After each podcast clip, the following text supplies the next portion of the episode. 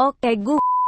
Udah waktunya kita ngobrol. Pasang earphone dan dengerin ya. Welcome to In The Podcast Day Cerita Kemerdekaan Kenapa sih barang yang gue lagi incer, barang yang gue lagi omongin Itu harus lu munculin iklannya di semua sosial media gue Kita dimasukin di dalam satu ruangan gelap Kita dikasih satu peta buta dan kita suruh metain Coba bayangin orang-orang yang ada di sekitar kalian Berapa banyak yang tiba-tiba jadi ahli kimia. Ahli kimia dalam arti mereka nih tiba-tiba nyampurin desinfektan, alkohol segala macem Karena hand sanitizer di mana-mana nggak ada Dan akhirnya mereka menciptakan hand sanitizer mereka sendiri.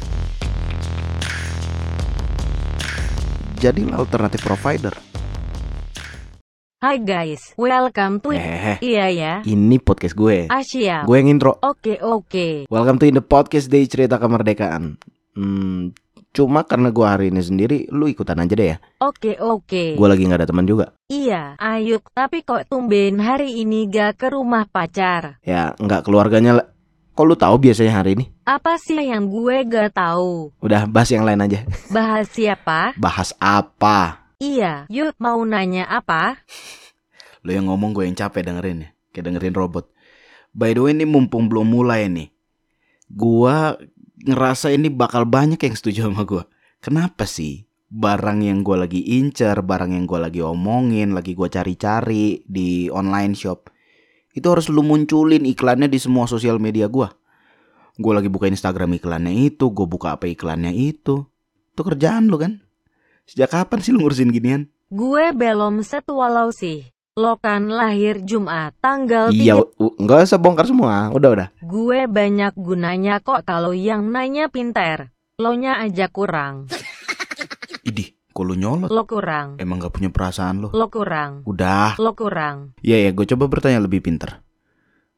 Kan lu tahu nih banyak kegiatan-kegiatan orang dan lu tahu juga banyak eh, ya lu kerjasama lah lu jadi asistennya banyak orang. Apa sih yang mereka lagi cari sekarang? Gue penasaran sih. Maksudnya ini kan kondisi kita belum berjalan secara normal seutuhnya. Apa sih yang lagi paling banyak orang cari sekarang? Deket-deket ini sih kebanyakan orang lagi nyari keywords games lomba online, lomba online, 17-an online, dan semacamnya. Oke. Ya karena dekat hari kemerdekaan kali. Nyesel kan gak ikut lomba 17-an tahun lalu. Tapi ya good point sih. Gue gue juga beneran kangen juga ternyata sama suasana 17-an. Maksudnya kayak bawa kelereng, balap karung, makan kerupuk. Itu Indonesia banget. Maksudnya di negara mana lagi kita bisa ngerayain Independence Day dengan cara seperti itu? Tahu gitu gue puas-puasin nih tahun lalu. Gue ngeliatin nih anak-anak eh, anak-anak kecil mereka keringetan di lapangan. Kayak iya ini tujuan hidup mereka lah untuk menangin lomba itu ya suasana 17-an banget kan. Masalahnya yang nggak ada yang tahu 2020 ini bakal kayak gini. Kayak gitu nggak ada yang tahu 2020 ini kita bakal masuk ke fase seperti ini di mana kayak kita dimasukin di dalam satu ruangan gelap, kita dikasih satu peta buta dan kita suruh metain. Itu yang menurut gua yang kita rasakan semuanya di tahun 2020 ini kita sama-sama memetakan bareng-bareng yang mana yang bisa, yang mana yang enggak, yang mana yang works, mana bisnis yang gak bisa lu jalanin lagi, itu sama-sama kita lakukan sekarang di tahun 2020. Kayak gitu loh. Maksudnya jangan bilang ini cuman di Indonesia doang dan Indonesia jadi eh, disalah-salahin. No. Seluruh negara di dunia kurang literasi untuk permasalahan seperti ini. That's why kita semuanya kayak masih ngeraba ini harus kayak gimana, ini harus kayak gimana. Dan ya itulah yang gue pikirkan di awal Agustus 2020. Jadi kayak kita nih masuk ke fase the great unknown. Satu kondisi yang kita nggak tahu sama sekali ini kita bakal kayak gimana, kita bakal dibawa ke mana di tahun 2020 ini.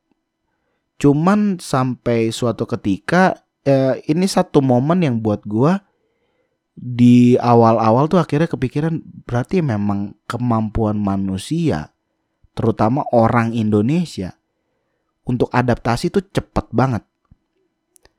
Pivot moment mereka itu cepat banget. Mereka twist bisnis mereka dari konvensional, dari offline tiba-tiba ke online. Itu cepat banget menurut gua. Mungkin kalau secara organik, secara eh, nggak ada masalah, nggak ada pandemik seperti sekarang ini, mungkin butuh bertahun-tahun. Tapi karena terdesak, kita harus survive. Ini bisa kita lakukan dalam waktu hitungan bulan, hitung bahkan hitungan minggu mungkin. Banyak orang yang bisnisnya tutup dan akhirnya mereka coba cari cara, cari ide yang akhirnya membelokkan seluruh bisnis mereka akhirnya belok ke online. Akhirnya mereka jualan online kayak gitu. Jadi ada satu momen sebenarnya di awal bulan Agustus dan itu yang kayak ngasih ide ke gue bahwa memang manusia, memang orang-orang Indonesia itu tuh nggak biasa untuk depend on something. Kalau misalnya ada satu kondisi yang membuat kita terkungkung, kita coba cari cara untuk breakthrough. Itu menurut gue Indonesia banget tuh.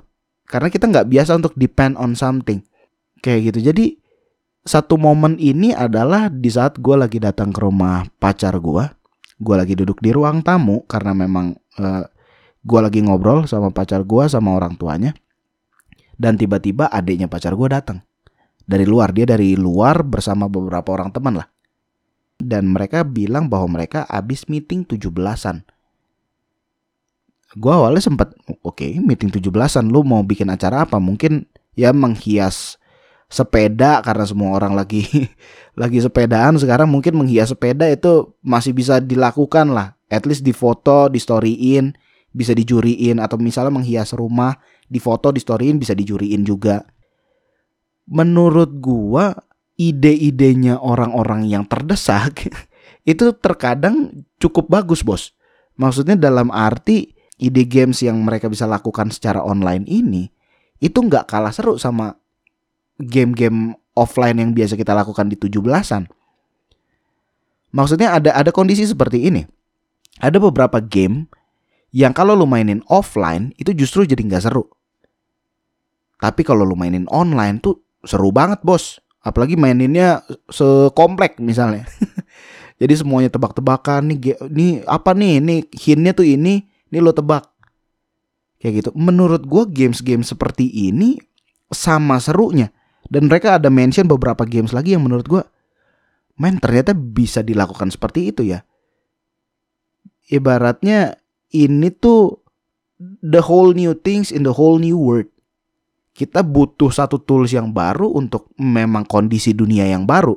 Jadi kalau misalnya orang bilang 17-an tahun ini kurang seru, 17-an tahun ini nggak serame 17-an sebelum-sebelumnya karena memang gamesnya lebih sedikit, kita nggak bisa makan kerupuk, kita nggak bisa ini itu karena kita nggak tahu opsi untuk games online tuh apa aja. Yang bisa kita lakukan secara online tuh apa aja, yang seru tuh apa aja. Karena kita belum kebayang, tapi kalau misalnya kita udah kebayang, oh ternyata game online itu lebih seru juga ya. Ternyata kondisi-kondisi seperti ini itu justru lebih menyatukan banyak orang yang dalam lingkup yang sangat besar. Mungkin kalau misalnya satu lapangan e, olahraga di satu komplek Ya taruhlah misalnya lapangannya cuma lapangan basket. Itu cuma berapa kali berapa sih? Orang juga kayaknya kalau rame-rame di situ sumpek mereka lebih pilih ke pinggir. Tapi kalau misalnya lu mainin di handphone masing-masing, itu bisa lebih menjangkau banyak orang. Mungkin orang-orang yang tadinya nggak bisa ikut karena malu bersosialisasi, tapi karena nggak harus tatap muka, oh gue bisa ikut deh, gue main aja deh. Gue bisa ikutan lomba sekarang. Kayak gitu. Jadi kita bilang gak seru menurut gue karena kita belum punya alternatifnya. Tapi orang-orang kreatif ini yang menyediakan alternatif. Justru kita tuh harus seperti itu menurut gue. Kayak gitu itu ciri khasnya orang Indonesia banget. Problem solver di saat memang gak ada alternatif kita sediakan alternatif. Itu contoh pertama itu yang kayak akhirnya membukakan pikiran gue bahwa emang orang Indonesia tuh kreatif-kreatif. Contoh kedua, ini ya contoh paling sederhana dan mungkin orang-orang di sekitar kalian juga melakukan hal ini. Coba bayangin orang-orang yang ada di sekitar kalian berapa banyak yang tiba-tiba jadi ahli kimia. ahli kimia dalam arti mereka nih tiba-tiba nyampurin desinfektan, alkohol segala macam karena hand sanitizer di mana-mana nggak ada dan akhirnya mereka menciptakan hand sanitizer mereka sendiri. homemade dan dijual online. Ada? Kayaknya ada deh. itu bukti bahwa survival mode orang Indonesia tinggi. Sebelum perusahaan-perusahaan besar mulai bergerak ke sana, ini orang-orang udah bergerak duluan. Di storyin, di foto, eh mau pesan nggak? Pesan, oke online kirim. Kayak gitu. Tiba-tiba semuanya jadi kayak ahli kimia. Menurut gua ya itu salah satu bentuk survival mode yang akhirnya melahirkan sebuah kata yaitu namanya kreativitas. Dan satu lagi yang terakhir ini menurut gue paling priceless lah, paling mahal lah. Jadi kalau misalnya di beberapa keluarga mereka tuh biasanya ada namanya menu keluarga. Jadi ini menu yang biasanya keluarnya tahunan. Mungkin pas lebaran, mungkin pas natal, mungkin pas imlek dan lain-lain. Kayak gitu. Tiba-tiba ada masalah seperti ini, menu keluarga mereka bisa jadi duit, Bos gue bisa cicipin secicip dari keluarga mereka dan itu bisa jadi mata pencaharian buat mereka. Banyak orang yang tiba-tiba menu keluarganya masuk ke instastory dan dijual. Ya itu bukti bahwa memang segala macam bisa jadi kalau misalnya emang orangnya kreatif. Siapa yang kepikiran awalnya? Pasti ada yang memulai kan? Kayak gitu. Pasti ada yang men-trigger menu keluarga bisa keluar dijual dan semua orang ikutin. Kayak gitu. Dan itu yang menurut gua harus kita punya sebagai orang Indonesia karena memang itu identitas kita. Kayak gitu loh. Kita menciptakan alternatif baru di saat memang orang belum kepikiran alternatifnya, kita ciptakan alternatifnya. Gue tahu nggak gampang. Kita sama-sama masih ngeraba lah di kondisi seperti ini. Kita sama-sama kayak pegang peta buta yang sama, tapi itu karena kita belum punya alternatifnya. Jadi pesan terakhir gue untuk kamu yang lagi dengerin, jadilah alternatif provider. Jadilah penyedia alternatif untuk generasimu dan untuk yang akan datang.